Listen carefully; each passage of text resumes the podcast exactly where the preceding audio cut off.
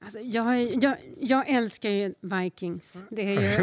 Vikings, äntligen! Ja, men jag är historienörd. Alltså, jag är så... Ja, jag vet inte. Ja, vi kallar dem för våra skäggiga vänner. Ja, Skäggiga vänner. så det blir jag jätte... Det, Ja, det det älskar jag när det kommer ett nytt avsnitt. Men ja, och våra Ja. barn de, de tycker men det är ju bara någon sorts Game of Thrones som inte är Game of Thrones. Men jag älskar Vikings. Boktips med Knut Görvel. Dagens gäst Lars Kepler.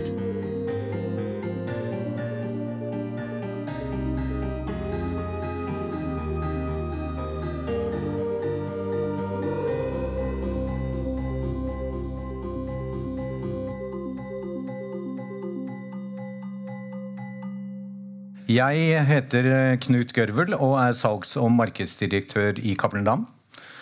Og ønsker dere hjertelig velkommen til Boktips live. Utrolig gøy at så mange har kommet. Og at eh, det da også sitter noen nede og ser det sånn halvt live, og, eller i hvert fall live på skjermen. da. Boktips Live heter eh, Boktips Live fordi vi har et nettsted som heter Boktips. Det kjenner dere kanskje ikke. Da må dere gå rett hjem og sjekke det etterpå.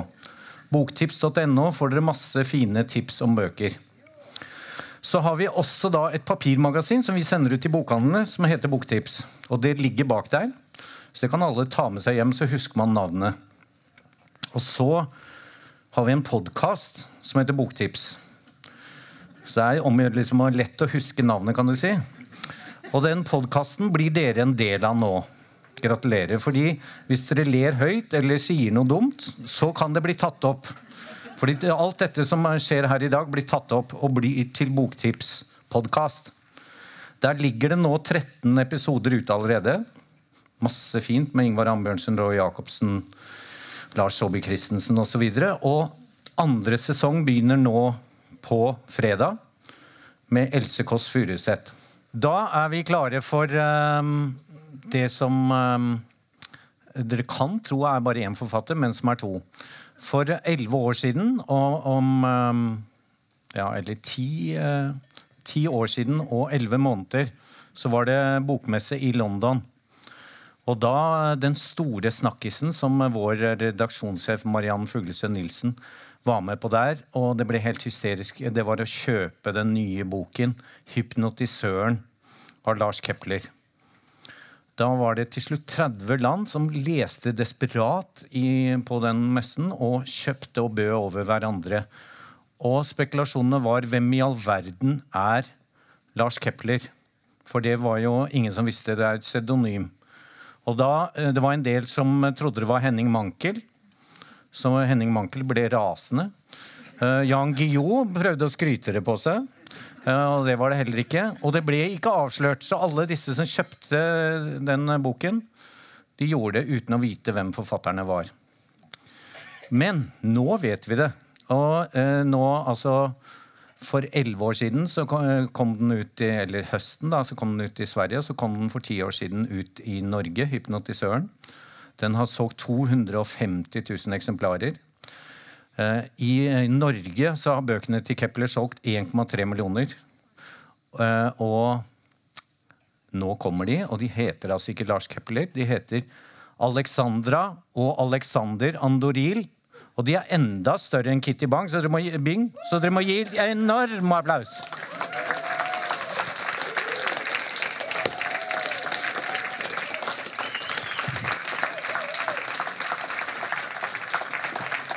Hallo.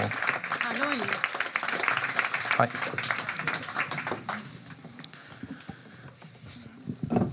Ja, velkommen. Tack. Ja. Eh, Det er da sånn altså at eh, dere er de som eh, sto bak dette merkelige pseudonymet. Eh, Og nå har dere gitt ut eh, denne boken på nytt, som heter Hypnot Hypnotisøren Black Edition, så vi skal snakke litt om den. Men forklar litt først om hva som skjedde da for snart elleve år siden. Ja, Ja, alltså, som du säger... Bra. De snakker litt ofte Ja, litt som Ole Dole ja. Doffen, så det må dere bare Vi kan inte låta bli. Nej, men vi, vi, vi skapade ju Lars Kepler för att kunna skriva tillsammans. Det var grunden. Eh, och vi bestämde oss då, också för att vara hemliga. Så vi berättar inte ens för våra barn att vi skrev ihop. Eller, och inte för våra föräldrar eller syskon. Vi var ju redan författare. Vi hade skrivit många böcker, eller du hade skrivit väldigt många. Jag hade skrivit tre böcker. Så vi var ganska kända litterära författare i Sverige. Och ehm, ja, vi ville skriva någonting tillsammans. Så vi skickade in, när vi hade skrivit ihop, vi älskar att skriva ihop som Lars Kepler, det kände vi direkt. Så därför var vi också rädda för att förlora den här magin som vi hade ihop. Eh, så vi skickade in vårt färdiga manuskript till vårt förlag Bonniers, eh, Hypnotisören, eh, men anonymt. Vi, skrev i bara ett följebrev. Jag heter Lars Kepler, det är en pseudonym. Jag kommer aldrig avslöja vem jag är. Men om ni är intresserade av ge ut eh, denna bok så kontakta oss på Lars Kepler. Nej, inte oss. Eller mig. Kontakta mig. mig. Det där var Det är det- öppet det var-? Det var vi avslöjade direkt. mig på Lars Kepler, mm, äh, at hotmail. Liksom. Ja. Ja. Ja. Och de Eh, tog boken Och de, och de svarte på Ja, tre dagar. tre dagar. Cappelen Dam, skjerp dere. Oss. De, eh, de lät faktiskt alla förläggare på, på Bonniers läsa det över en helg. Och sen Men beslut. altså, det betyr at dere bare var på kontakt på mail, da? For å ikke avsløre noen ting? Og, og, men dere da, det da Fordi dere hadde, som dere sa, skrevet noen bøker før. Og du hadde jo vært skuespiller, og du har også vært maler, så dere har gjort masse ting før. Men dere hadde vel ikke akkurat vært solgt til eh, 30 land? Ja, men det kan man ju aldrig, det, det hade vi aldrig tänkt på överhuvudtaget. Alltså vår stora dröm var låt oss kunna skriva någonting tillsammans och, em, och göra det i krimigenren. För det hade vi heller aldrig skrivit. Och det var, det var Läst så, väldigt mycket men Ja. aldrig skrivit. Så det var också en sån här fantastisk sak att dyka ner i, i den här genren och få skapa en spänningsberättelse. Alltså, som författare kan man aldrig tänka på framgång eller ge- försäljningssiffror. Som, som sagt, jag har varit författare i 30 år och det är 10 år som Kepler. Och det, man skriver för att man måste skriva. Det, det är bara det. ja, och Det, menar, det, det det var är ett förmodligen... sätt att kommunicera med omvärlden. Ja. Jag tror att det var kanske världens sämsta idé att skicka in ett manus anonymt. Hemligt. Ja, Ja. Och att sen säga nej men vi ska inte bli avslöjade. och vi kan Förlaget inte tyckte det var förfärligt. för vi kan inte bli intervjuade och vi kan inte träffa läsare. Vi kan inte vi göra research annat än i hemlighet. Så att det, Det sen blev ju jo avslöjade. ganske fort å være en veldig god idé. Men jeg har hørt at dere også eh, Alexander, du sa nå at, dere, mm, at det var så fint å skrive sammen, og det har vi hørt. Men eh, jeg har hørt at dere før dere fant Lars Kepler, hadde prøvd å skrive noe sammen. Og det var ikke like lett. Nej. Nej, eh, det är ju det här med... eh, Det är fantastiskt att författare. Jag älskar att skriva, men det är extremt ensamt. Vissa säger att det är det mest ensamma yrke man kan ha. Därför att Det är kranförare tror jag. De som sitter i höga, höga lyftkranar. Ja, men det är så här, man- skriver, jag skriver böcker som tar kanske fem sex år att skriva. Jag tänker på det varje dag. Det enda jag gör varje dag är att skriva på det här manuskriptet. Men jag kan inte tala om det. För att alla författare vet att om du börjar tala om det du skriver så har du så att säga redan berättat historien och då försvinner magin och du får slänga manuskriptet. De flesta författare har gjort det någon gång, det misstaget att berätta för några kompisar över en öl i Köpenhamn. Och, och jag har en så himla bra historia som jag håller på och skriver och man berättar hela plotten. Och sen när man kommer hem nästa dag och ska fortsätta så är magin borta och man får börja på något annat. Därför lär man sig att hålla tyst och bara ha det för sig själv. Så liksom, den ensamheten ville vi bryta. Eh, Och då tänkte vi, vi älskar varandra, vi har tre barn, vi gör allt ihop. Det kan inte vara så himla svårt att... Vi gör allt hushållsarbete ihop Ja. också. Er ikke som eh, Alexander Kitty tvättar. Nina. Han Nej. tvättar Ja, bra. jag tycker om att tvätta. Ja. Ja. Men det, det var inte så lätt att skriva ihop. Det, Men. Ale Alexandra, hvorfor eh, fant dere denne Lars Kepler, det, altså, og hva betydde det i forhold til deres måte å skrive på? Fordi det er på en måte en ny Dere har blitt til Lars Kepler. Det det er liksom én stemme og én figur.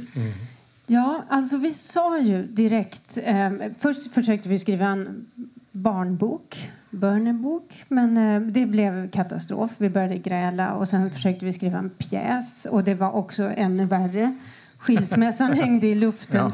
Men eh, Men, men just med Kepler, det var liksom som vår magiska trollformel. Att vi kunde gå in i den här rösten. Eh, en enda röst, det var också vad vi ville från början. Mm. Och en ton, en berättelse, en genre. Det blir som en dubbel fiktion att vi låtsas att vi är eh, Lars Kepler som skriver böcker. Lite. Ja, det är lite konstigt. Ja. Vi lurar oss själva Ja, på något vi sätt. lurar oss själva. Men, eh, men så sa vi också att vi har egna författarskap. Så de finns kvar när helst vi vill. Att det här får aldrig bli ett tvång för oss. Det enda problemet är att vi inte har velat gå tillbaka till våra egna. Vi njuter fortfarande så mycket av, av det här skri gemensamma Det är ju extremt kreativt för man får hela tiden nya eh, infall från den andra. Alltså, ibland, skriver, ibland kan jag bara skriva dialog. Eh, jag skriver mycket pjäser för teatern och ibland hör jag bara karaktärerna prata. Jag kan inte se dem. Men det är ju inget, det hade varit problem om jag varit ensam författare för man kan inte ha en roman som bara består av dialog. Men, men eh, kan man säkert. men när vi byter texter, ja det kan. Men, blir kanske inte så bra krim. Men, ja, krim blir väldigt svårt.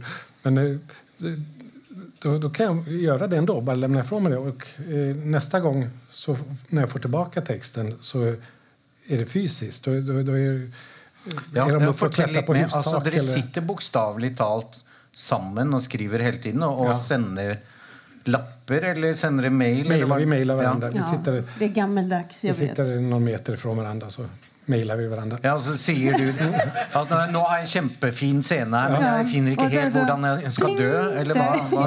Ja, och så pling så får jag den här motsägelsen tillbaka Ja. som Alexandra har skrivit. Och så säger jag, oh, ja men det är jättebra men eh, ändra lite. Så det, det, vad det kan vara. Så ändrar jag lite och så skickar jag tillbaka det Och så håller vi på så. Till slut vet vi inte längre vem som har skrivit vad. Eh, Och då kan mycket väl Alexandra säga att det du ändrar var inte alls bra. Så hon ändrar tillbaka och så... Ja. Så kan det vara. Ja. Men eh, hvem er den mest eh, bestialske eller grusomme av dere? Titta på mig.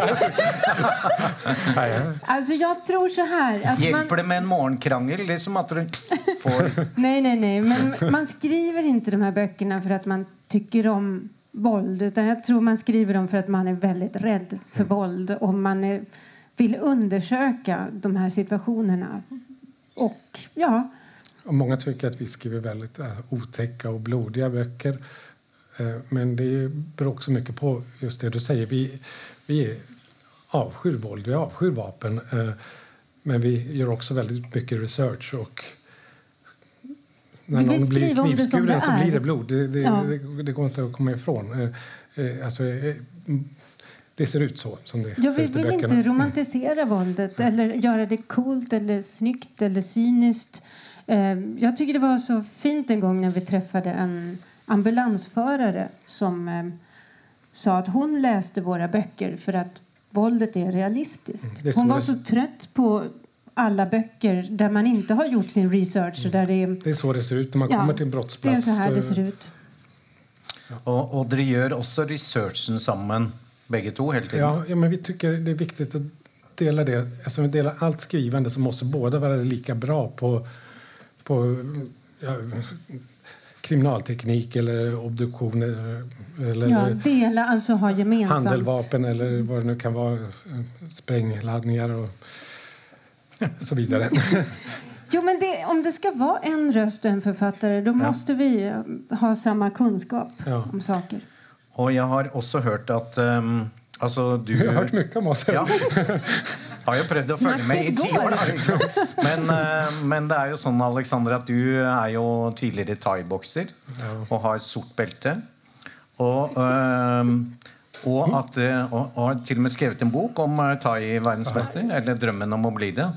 Men eh, det jeg syns da er litt svårt, å si det på sv- svorsk, er jo at jeg har hørt det at eh, når det er eh, slåssscener eller et eller annet i bøkene, så, så gjør dere eh, de sammen. Og du skal vinne hver gang, på en måte. Det høres ikke bra ut. Ty, tycker inte du det är rättvist? Det, det låter lite Jag stereotypt, det kan jag hålla med jag om. bara snabbt säga, jag har inte svart bälte, för man har inga bälten i thaiboxning. Å, Nej, de men- men- uten belter. Ja, men, ja, men man, man bara ett par shorts faktiskt, Ja, som okej. boxhandskar. Ja vel.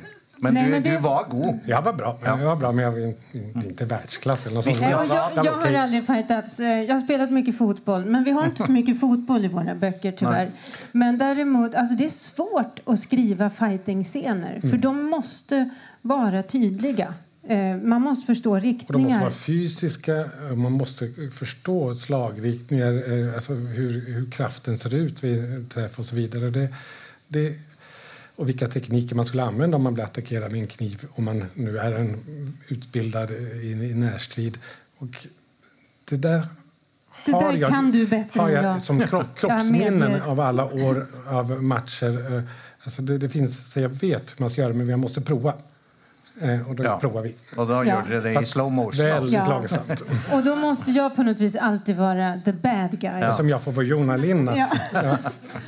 Men vi, vi tränar väldigt långsamt och försiktigt. Eller, Ja, men det er bra. Men la oss snakke litt om uh, hypnotisøren. For altså 250 000 no- nordmenn har jo kjøpt boken.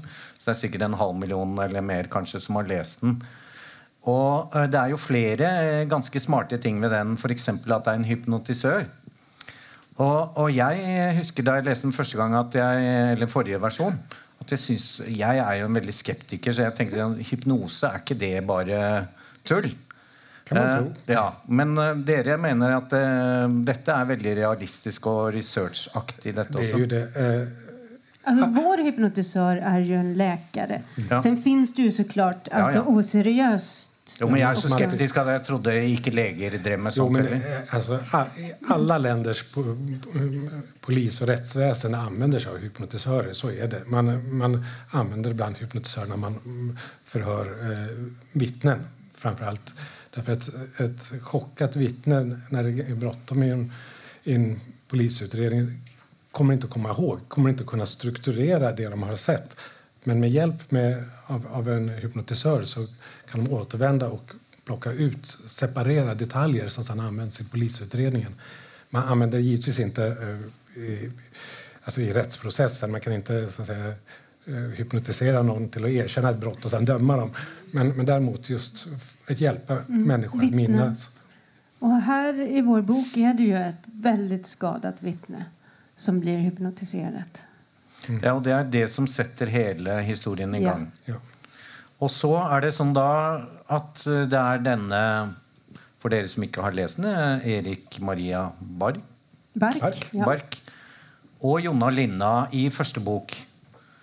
Men, men, eh, men dere liksom ble ferdig med hypnotisøren, selv om man skulle trodd at det var hovedpersonen, så valgte dere Jonna Linna å gå videre med.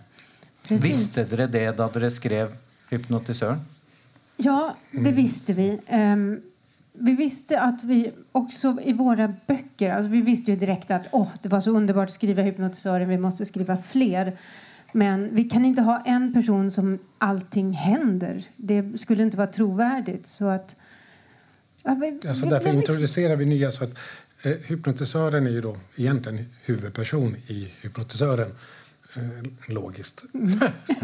Men, Det er svensk logikk. men, men sen, sen har vi då en kommissarie. Och för att det ska vara en thriller, eh, vi vill skriva thrillers och inte bara eh, polisromaner. Utan för att det ska vara en thriller så måste så att säga, huvudkaraktären i en berättelse vara utsatt för ett brott och kä- kämpa för sitt liv eller för att rädda sig själv på något sätt. dras in i händelserna. Det kan inte hända samma huvudperson hela tiden, bok efter bok.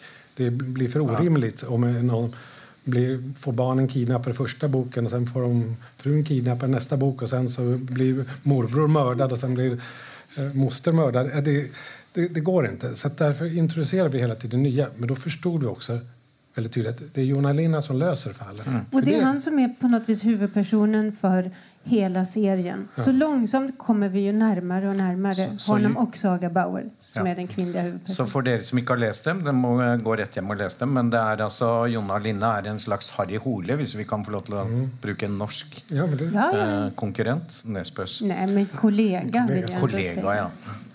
Eh, men så har dere altså ehm, Det var tiårsjubileum. Eh, og jeg har, som du sa, hørt mye om dere. Jeg hørte at dere ikke var så fornøyd med filmen 'Hypnotisøren' av Lasse Halmstrøm. Men eh, alle vi har jo trodd at ni dere som oss var ekstremt fornøyd med 'Hypnotisøren' som bok. Og dere fikk jo ikke bare enorm suksess, men også veldig bra kritikk. Og så likevel så kom dere på den eh, overraskende ideen at nei, dette kan vi gjøre bedre. Hva, hvorfor det? Alltså det var, vi kände väl när vi började titta inför det här tioårsjubileet så började vi titta på texten och kände att men Lars Keplers stil har förändrats under de här tio åren. Vi, vi liksom, det är snabbare, det är mer tryck, mer press. Och det kände vi också när man tittade, det började nästan som en hypotetisk fråga först. Ah, Om vi skulle ändra på någonting, om, vi bara, om man fick ändra lite i början bara, då skulle det faktiskt bli bättre. För vi kommer gå snabbare in i historien, vi kommer förstå det här bättre. Ja, men ska vi inte ändra det i början lite då? Det ska ändå bara tryckas om ju. Och så säger man, ja men i så fall måste vi titta på nästa dialog, för den skulle jag skriva om. Och det slutar med att vi skriver om all, all dialog, all, allting. Vi lägger in ett antal nya kapitel. Eh, Och Jonna Linna får mer plats till det. Vi, ja, vi- så, så- vi skrev om den. eh, Och den tycker jag, det, var, det var underbart att få eh, gå in i den här berättelsen en gång till. För att det, det är fortfarande samma berättelse, men den liknar mer de författare vi är idag. Eh, og det er litt sånn, Dette har vi jo sett med Francis Ford Coppola og andre mm, på film. Men eh, det er, jeg har ikke hørt så mange. Har dere hørt om andre som har gjort dette i bokform? Nej, jag har Ja, jo, forresten, Roy Jacobsen gjorde det for noen år siden med sin bok. Men eh, en roman som han Bokklubben Nye Bøker Han følte at den presset den fram på 80-tallet litt for fort. Og så skrev han en eh, bedre bok etterpå. Men den første solgte jo mest, da. Hvordan er det med dette? Ja, men det här är ju lite, vad ska man säga, en gåva till våra läsare. Jag menar, har man läst Hypnotisören för tio år sedan och känner att det skulle vara roligt att titta på den igen, då, då är det den här man ska läsa. Och om man läser några av våra nya böcker och känner att ja, men jag vill ha mer, kan man absolut läsa nya Hypnotisören. Ja, och tanken är ju att det här att den kallas för Black Edition eh, är ju att om några år så tar vi bort Black Edition så är det, är det det här bara som är hypnotisören. Det ska inte finnas två stycken utan det här, så här vill vi att hypnotisören ska vara. I, Och det är samma Ja, ja, berättelse. ja, ja. Vi, Utrolig spennende. Og det er mange som da ikke har lest den første òg, så kan de jo begynne nå. Men eh, apropos research, så, så var dere kanskje litt slappe i begynnelsen, i den forstand at dere brukte deres egen leilighet eh, som åsted for en del av spenningen. Ja. Og det fikk eh, Så- grusomme Ja, det konsekvenser. fick det var, grusommma det var konsekvenser. jättesmart tyckte vi.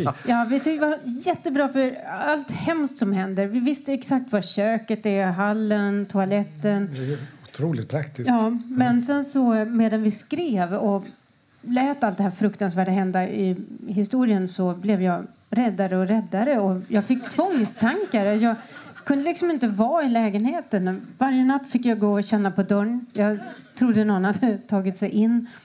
Till slut fick vi sälja vår lägenhet faktiskt. Vi kunde inte bo kvar.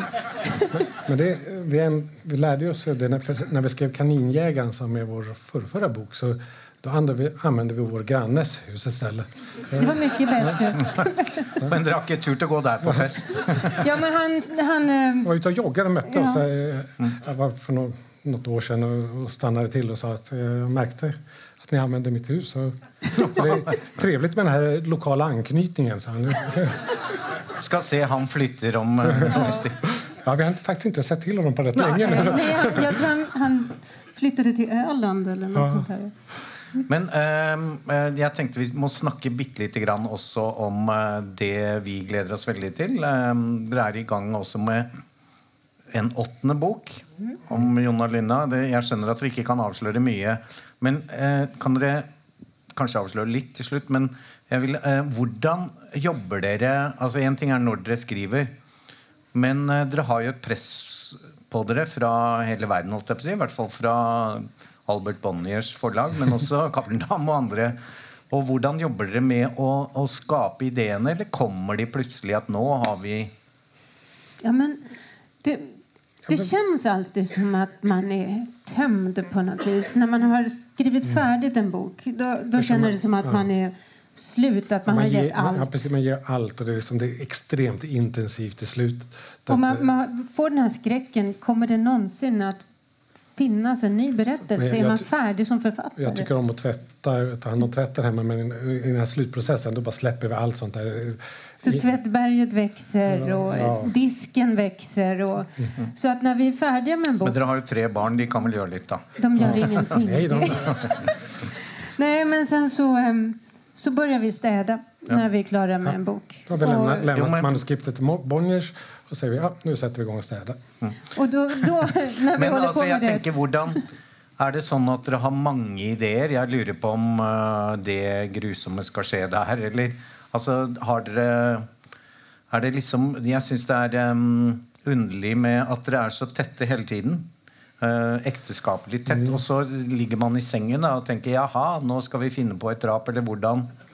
Ja, men det brukar vara i den fasen när vi städar. När vi- Det är då Ja, idéerna okej. kommer. Så jag Ja. proppar in massa tvätt i, Ja. i tvättmaskinen och stänger och sätter igång ett lämpligt program.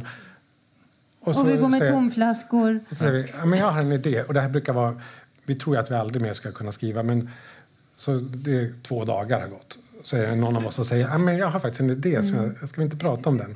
Okej, säger vi. Och så börjar vi prata. Och ibland håller den inte, men väldigt ofta är det bara, ja, det är den idén. Men då måste det här hända, säger jag. Så säger du, ja, jo, men så fall händer det här. Och så börjar vi skriva massa lappar och så ja, är vi igång igen. Och det kan, bli, kan vara i sängen också. Men i, I början faktiskt så var vi rädda för det här med tänk om alla idéer försvinner från oss. Och då samlade vi en massa idéer i en låda och klippte ut ur tidningar saker Ja. vi kände var inspirerande och spännande. Men så märkte vi att vi tittar aldrig i den lådan. Efter ett antal böcker har vi fortfarande inte öppnat den här lådan. Nej, vi bara la ner Då saker slutar i vi den. samla. Ja, Men da, da kan det jo bli veldig mange bøker, fordi når dere sliter litt, så er det bare å åpne esken. Ja, vi undrar vad som finns där. Eh, eh, Men apropos Lars Kepler, så, så har jeg også trodd at dere har funnet på navnene deres. For ikke sant, Når du sier ja vel, nei eh, Bak Lars Kepler så fins det Alexander og Alexandra. Det høres ut som dere har funnet på fornavnene deres også. Ja, og- og Har dere det? nej, nej, vi Nei. båda Og det var vel også Det syns jeg er litt sånn voldsomt sjekketriks, da. Eh, hvis jeg kjenner Alexander, og så har jeg en Jeg kjenner også Alexandra. Kanskje vil dere møte hverandre? Var det sånn det ja men det var lite så som vi träffades. Ja. Alltså, det var nog att våra kompisar ville skoja på något vis. Så att vi skulle hälsa på varandra och så hette vi likadant. Og det var da det ble magisk? Då Eller? blev vi kära, ja. Ja, Det skjedde så fort? Det- ja vi, Ikke på grunn av navnene? Nej, vi satte igång och talade faktiskt. Precis, vi, våra samtal bara. Vi började prata och så lämnade vi festen och så promenerade vi och ta, pratade och pratade och pratade. Og da, eh, den gang, så eh, var du skuespiller? Precis. Jag Ja. hade flyttat till Stockholm för att jag blev antagen på den här fina scenskolan som det heter, Statens teaterhögskola. Och, eh, sen träffade jag Alexander som omedelbart började övertala mig att sluta som skådespelare och bli- författare istället. Det, det låter som jag försökte bestämma Ja, över som dig. dominerande ja, man, precis. Alexander. Men så var det inte. Utan Alexander tyckte det var otroligt jobbigt eh, i teaterklimat i Sverige vid den tiden. Att regissörerna bestämde allt. Och regissörerna var alltid män förstås. Och de skulle bestämma. Det var deras eh, konstnärliga vision som gällde. Och man som kvinna fick inte vara minsta intellektuell eller komma med några idéer. Och då sa jag, prova att vara författare. Då får du, du får göra precis som du vill.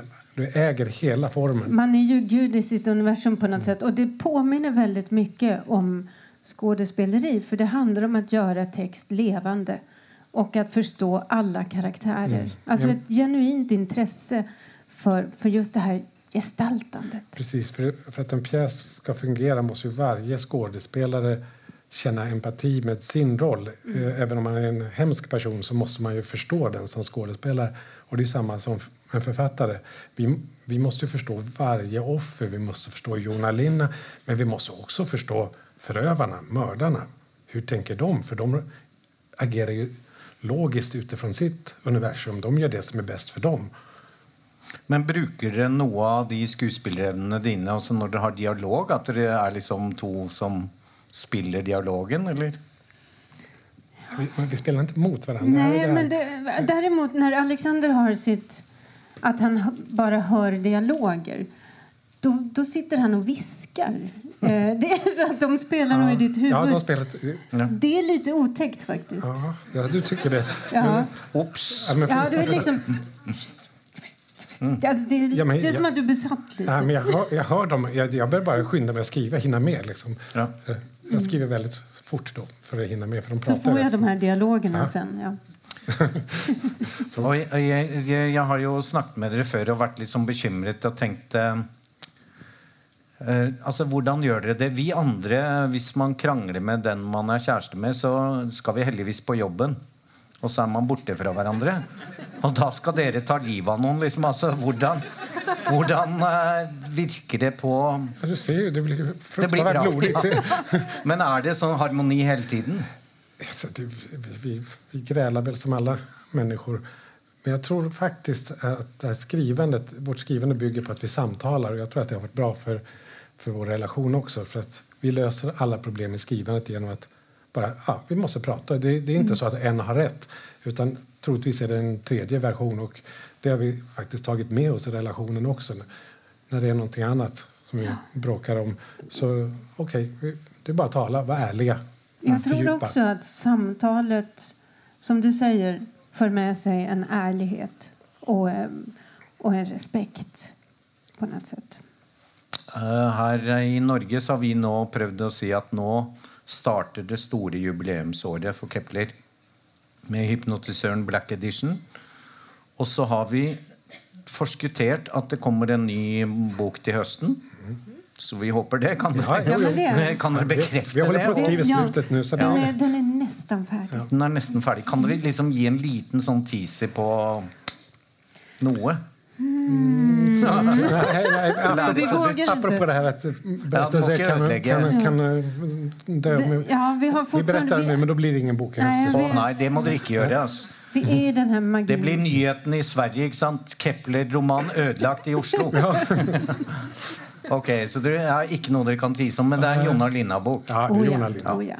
Og da eh, er det sånn eh, Har dere planlagt hvor mange det blir, eller er det sånn at dere vil fortsette så lenge det er moro? ja, alltså vi följer vår lust helt Ja. enkelt. Så är det. Och eh, apropå när idéerna kommer så har vi faktiskt redan en idé för nästa bok. Så Ja, att, så deilig. den, den ska bli också. Håper den kommer neste år. Vi trenger det. Ja, men det vill vi också. Ja. Vi försöker. Så fantastisk bra. Gi dem kjempeapplaus. Tack, tack. Tusen takk. Ok, da har vi kommet til den delen av Boktips der vi skal få høre om, om noen av bøkene som Alexandra og Alexander Andoril eh, Bøker som har betydd noe for dem opp gjennom livet. Og de har jo nå fått litt prestasjonsangst, men jeg har sagt her er det alt åpent. Så mm, hvem av dere vil først si noe? Er det noen bøker som betydde spesielt eh, mye for deg i barndomen? Ska vi börja med dig, Alexander? Vi kan börja med mig. Um, ja, det första jag kommer att tänka på är att min pappa alltid läste för mig och min brorsa när vi, alltså godnattsagor. Och någon som jag kommer ihåg väldigt väl var när han läste Bröderna Lejonhjärta av Astrid Lindgren. Då. Um, sen hade vi rätt mycket böcker i, i vårt hem. Min pappa köpte alltid den nya nobelpristagaren skulle han Ja, ja. alltid köpa en bok av.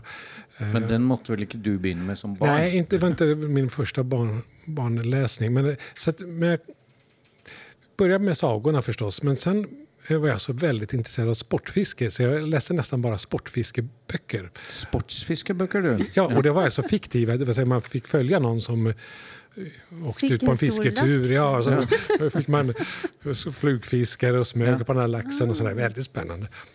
Men det var fordi du selv var en sportsfisker? Ja, ja. Men jag tyckte, ja, så jag fick drömma mig bort till dem.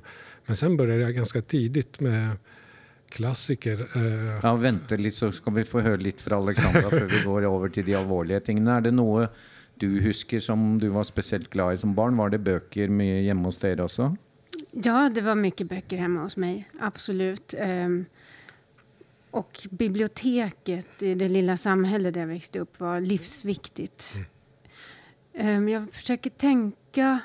Vi hade en väldigt tjock sagobok som hette Sagor från hela världen. Ja. Som hade otroligt fina illustrationer.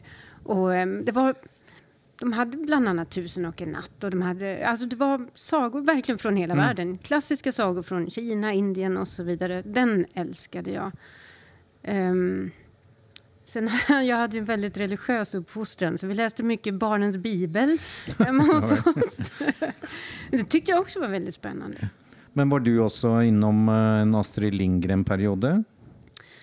Ehm, nej, inte som jag läste riktigt. Däremot, ehm, Du såg filmerna du? ja. Och framförallt Emil i Lönneberga var en eh, sån här...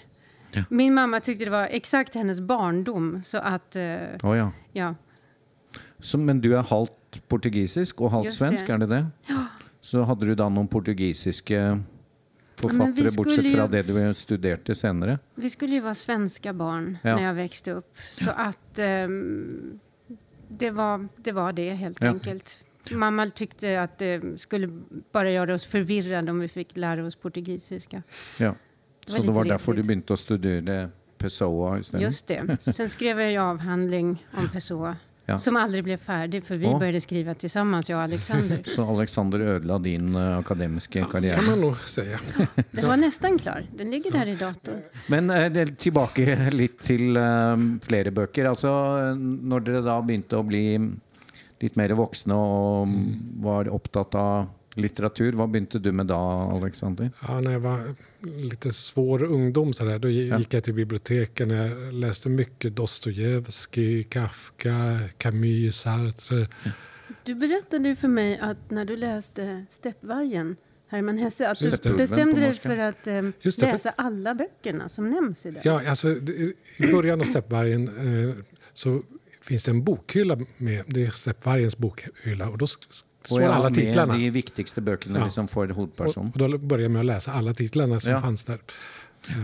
Og jeg gjorde det samme da jeg, eller jeg leste baksiden av Garps bok. Så viste det til en eh, nesten like god som Salinger og Ja. Og så leste jeg de også. Så. Ja, det, det är de här vägarna som är, när man är så hungrig på att hitta nytt. Och jag hade inte riktigt någon att fråga för att visst, vi, vi hade en del böcker i vårt hem men det var inte en litterär familj, det var inte akademisk. Jag kommer från en arbetarsläkt, byggarbetare. så det var biblioteket som Ja.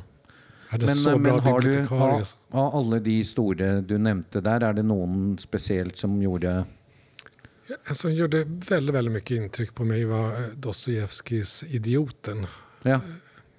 Jeg liker jo Brødrene Karamazov Ja. best. Ja, nu efteråt tycker jag nog också Oh, ja. det, men eh, då var Ja. den... Jag, jag, jag, också för eh, humorn i den. Man, Ja. man sitter och skrattar när man läser den. Og, men kom du fra et kristent Nej, alltså, Nej. Jag, är, jag är döpt men jag har inte Nej, konfirmerat er mig. normal Så, att det, så, vi, så vi har ingen... Jag går in, inte Nej. i kyrkan. Så det. Og du da, Alexandra? Hva Ja, men äh, böcker, böcker var, alltså det är så intressant. Jag och Alexander har så mycket gemensamt eh, när vi tänker på vår barndom. Böcker var livsviktigt. Och för mig blev en viktig bok som jag inte vet varför jag läste. När jag var 13 år tror jag att jag läste en bok som heter I namn av de mina av Martin Gray, tror jag är Ja. författarens namn. Eh, och den handlar om en man, det är en självbiografi, han överlevde förintelsen. Och på något sätt så em, förändrades jag av den Mm. boken. När jag Va- förstod vad som Ja. hade hänt. Och ja, Ja, någon form av barnatro som Bar raderades. barnatron krossades i Ja. bitar. Så lätt är det inte i, i världen. Nej. Nei. Hvordan kom du eh, borti Det kanskje et langt sprang, men du har altså også studert litteraturvitenskap. Mm, och undervisat i litteraturvetenskap har i många år. och varit Ja, litteraturkritiker ja, i många år. precis. Jag undervisade vid universitetet. om, det var modernismen som eh, jag undervisade i. Men valgte du da emne, altså hvis du kan fortelle om avhandlingen som nesten er ferdig, og som kanskje da kan få verdensrekord i opplag hvis du ga den ut under Kepler-navnet? Men, men eh, valgte du da forfatter ut fra lyst, og kan du fortelle litt om hvem du skrev om? Og, Ja, alltså det, när jag slutade som skådespelare då, då ville jag dels bli författare men jag ville också läsa på universitetet. För jag hade varit så vad ska man säga, inriktad på teatern i hela, hela mitt liv och hela min uppväxt och alltid längtat efter det akademiska. Um, så att jag skrev in mig, det första jag gjorde var att jag skrev in mig på den portugisiska institutionen för att lära mig portugisiska mm. äntligen. Och då hittade jag Fernando Pessoa som är en fantastisk portugisisk poet. Och så insåg jag att men det kommer bli mycket enklare om jag läser svensk litteraturvetenskap. Och, um, och då blev jag, efter att ha gjort min master, blev jag doktorand. Och, um, och så i fem år skrev jag på den avhandlingen om Fernando Pessoa som en modernistisk poet som hade en massa olika författar-jag, så att säga. Han kallar ja, dem för han heteronymer. Han skrev också under pseudonymer? Eller vad ja, heteronymer, heteronymer kallar han dem för. Vad betyder alla... det egentligen? Att han skrev under många olika... Ja, många olika vad ska man säga, alternativa författare med mm. egna biografiska berättelser och egna litterära stilar.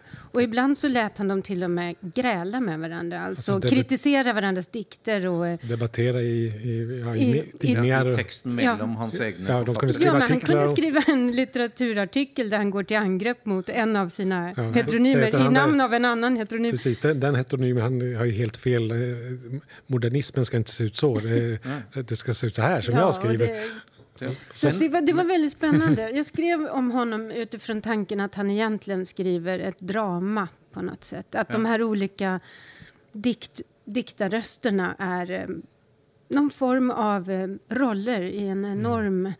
pjäs mm. där och, litteraturen har huvudrollen. Och där du koncentrerar dig på där de här just heteronymerna möter varandras världar. Mm. mm och talar med varandra. Mm.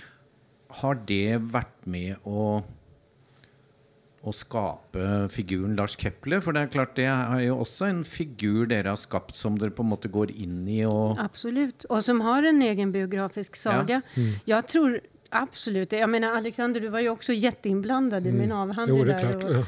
Jag läste ju Pessoa för dig. Och, eh, mm. Så att, det tror jag, tanken på detta, alltså att det finns en sorts frihet i att skapa en, en ny röst. Mm. Men var det hypnotisøren og Lars Kepler som ødela for avhandlingen til slutt? Ja. ja. Mm. Takk skal du ha. Men eh, hvis vi da kommer mer opp nå Når man tenker tilbake, så prøver vi alltid å lure ut av forfatterne. Er det Altså Hvis man eh, måtte trekke frem én eller to eller tre bøker som liksom Dette er det beste, eller dette ville jeg hatt med til en øde øy, eller noe sånt. Har dere noe forslag til det? Å, himmel. Alltså Bröderna Karamazov. Ja. Det är världens bästa bok. Så bra, da er vi enige. Jeg har prøvd å si det många gånger, det är inte alltid alla med. Men... Ja, alltså, Kafka, svårt. jag älskar fortfarande Kafka. Ja, Emily Dickinson. Ja, Cormac McCarthy. Eh, jag läser om, läser om Graham Greene nu och ja. blir väldigt glatt överraskad. Mm. Vår man i Havanna? Eller? Ja, bra. Ja. Jag läser den här Stillsamma amerikanen, men den är också... Jag tycker väldigt mycket om slutet på historien av Graham Greene. Också. Ja. det, finns så, det finns så många bra Stark författare ehm, just nu. Vi är ju lite närsynta här i Norge, så att um, vi vill ju gärna höra om ni har läst någon norsk, om det är några norska författare ja, ni liker. Ja, alltså jag, som ung författare läste jag Al Hamsun, som jag älskade. Ja. Eh, mm. Och håller man på med teater så kommer man förstås inte undan Ibsen som Nej. spöar vår Strindberg. Yes, det tycker jag också. Ibsen är fantastisk. Men något jag tänkte på, vi kunde snacka lite om sån uh, avslutningsvis för jag ska höra om vad ni har läst helt i det sista. Men ni har ju bägge skrivit uh, böcker som inte är Lars Kepler. Och det har vi inte fått snackat om till nu. Men kan ni berätta lite vad ni har skrivit och, och vad slags böcker det var? Vem vill begynna? Alexander? Ja, alltså, jag debuterade ju väldigt tidigt som författare. Jag var bara 18 år när jag skrev min första roman. Den kom ut när jag var 20. Du ehm. må ha haft enorm självtillit. Det har du kanske mm. fortsatt? Ja, eh, ja, eller så var jag bara naiv. det är fördelen med att vara ung. Ja. Eh, så, så jag har firat, jag har passerat 30 år som författare nu. Eh, skrivit från början väldigt modernistiska böcker. Märkliga postmodernistiska mm, dekonstruktioner av det ena och det andra. Eh, hade kanske inte jättemånga läsare i Nej. Sverige. Men eh, sen gick, gick jag vidare in i ett ganska stark, alltså ett starkare berättande. Jag skrev en gotisk roman. Eh, jag skrev en bok som heter Thaiboxaren som utspelar sig i Sy- Sydostasien. En svensk thaiboxare som försöker bli världsmästare. Var den litt selvbiografisk i og med at du selv hadde Nej, jag använde mig av den kunskapen. Och, jag, Men du ville ikke bli, bli verdensmester i thaiboksing? Nej, jag, jag hade nog inte... Så bra var jag inte. Jag var okej.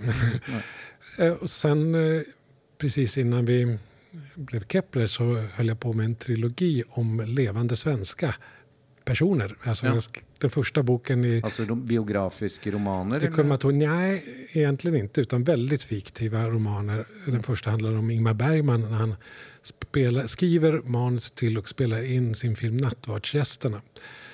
Eh, och den andra handlar om Hans Blix eh, tid i, som, som vapeninspektör. Eh, I, I Irak? ja.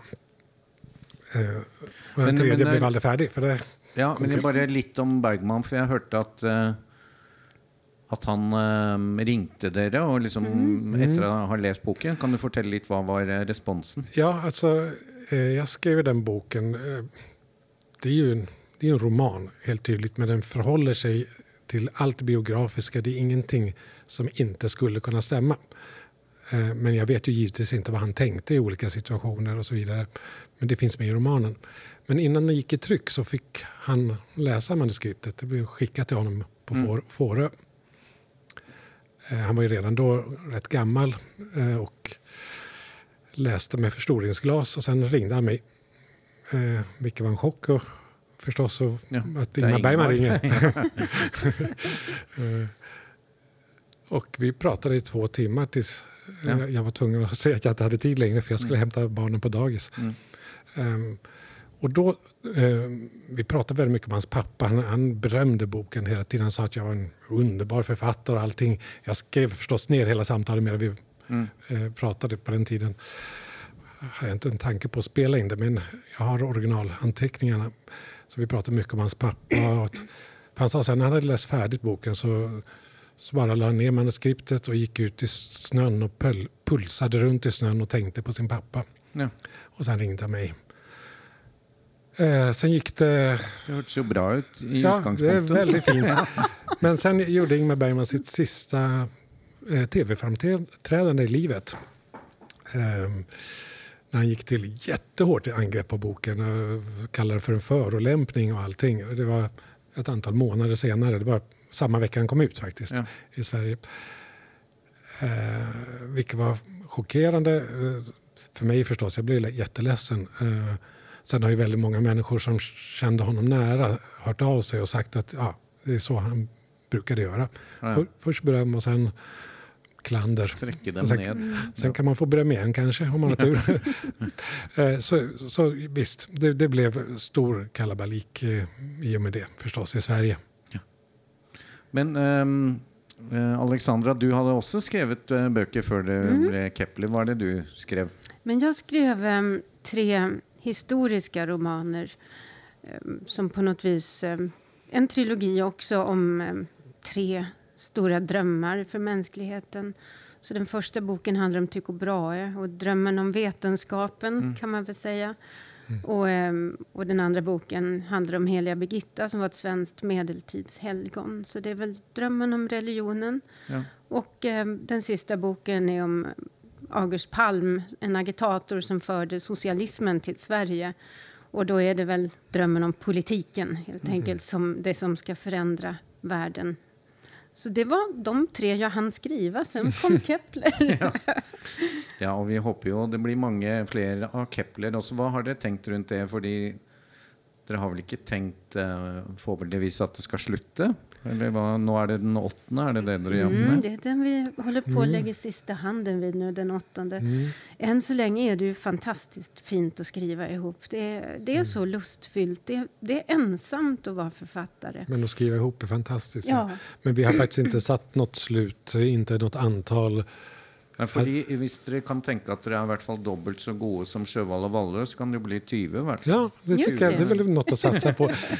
Vi vet inte, men underbart. så länge vi är eh, nyfikna på Jonna Linna, vi vill fortfarande veta mer om honom och vi vill veta mer om Saga Bauer. eh, Och det kommer nya fall, historier som vi börjar bry oss om. Och, och när vi sätter igång och tänka på någon ny bok, när vi har en ny historia, då, då slutar vi inte. För det, då tar det all vår tid, allt vi pratar om.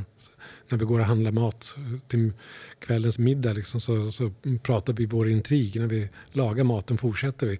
Så, att, eh, så länge vi har den här pa- passionen för, för de här berättelserna så fortsätter vi.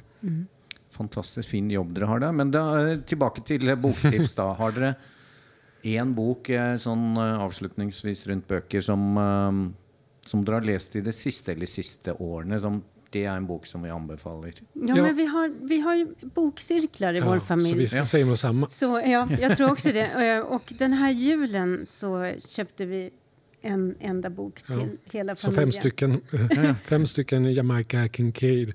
Eh? Min, min mors eh, självbiografi heter den, Jamaica Kincaid. Jamaica Kincaid. Hon är en fantastisk författare. Hva slags bok er det, da? Alltså det är en, eh, det är en, jag uppfattar det som en fiktiv eh, eh, berättelse. Om, En uppväxtskildring. En uppväxtskildring som utspelar sig tror jag, i Dominikanska republiken. Mm, det tror jag också. Och en ung kvinnas, vad ska man säga, resa. Och det är djupt originellt. Eh, Att vara i den världen det är, det är häpnadsväckande. Det är eh, också Nobelpristips faktiskt. Jag tror att hon kommer få det snart. För det här Ja, är, hvor, hvilket land er hun fra? Hon Ja, bor hon i bor USA. i USA. Ja. Ja, Precis. okej. Men helt til slutt, dere er jo veldig glad i å se film.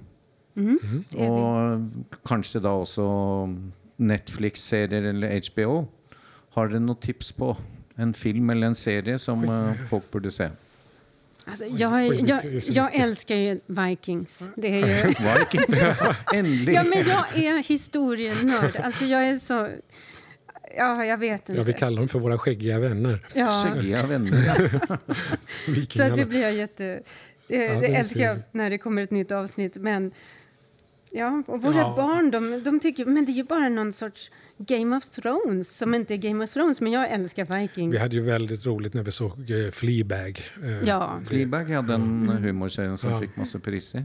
den är, den är också väldigt underhållande. Och jag tycker Andrew Scott är fullständigt lysande. Mm. Det, Nå hadde jo jeg forventet at det skulle komme noe skummelt. da. Er det, har dere Jaha. noe krimtips eller noe Ja. sånn serier eller film på det?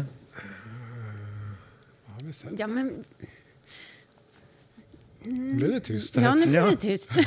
Det var pinlig, da. Jo, men vi, vi är ju verkligen allätare. Både, Man säger inte det på norska kanske, men vi spiser... Altetende, jo da. Ja. Det er et godt norsk uttrykk. Så att eh, det gäller ju både Har du sett film och den litteratur. krimserien som heter You?